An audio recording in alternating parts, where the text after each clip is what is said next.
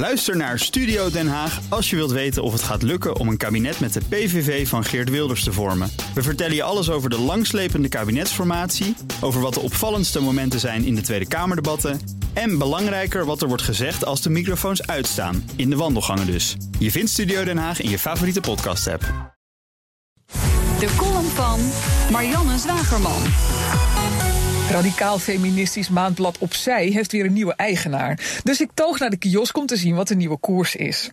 Ik behoorde nooit tot de doelgroep, want ik groeide op met Alexis als rolmodel. Toen ik in de jaren negentig de arbeidsmarkt betrad, was er nauwelijks een maatschappelijke discussie over vrouwen en ambitie. Dus was ik niet vergiftigd met de gedachte dat ik als vrouw de top niet zou kunnen halen. Binnen 15 jaar was ik er al. Later hebben de politiek en de media de vrouwenzaak op de kaart gezet. Vanuit de beste bedoelingen. Meer ambitie, meer vrouwen aan de top. Het streven is prima.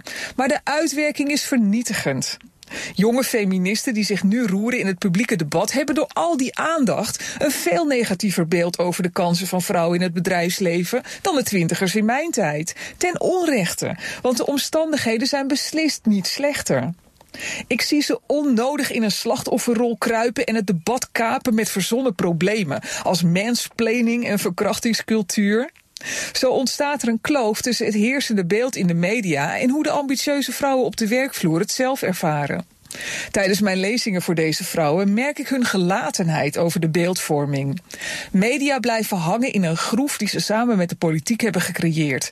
Dat het allemaal niet wil lukken en altijd maar dat gehamer op achterblijvende percentages topvrouwen, wat sowieso een discutabel begrip is.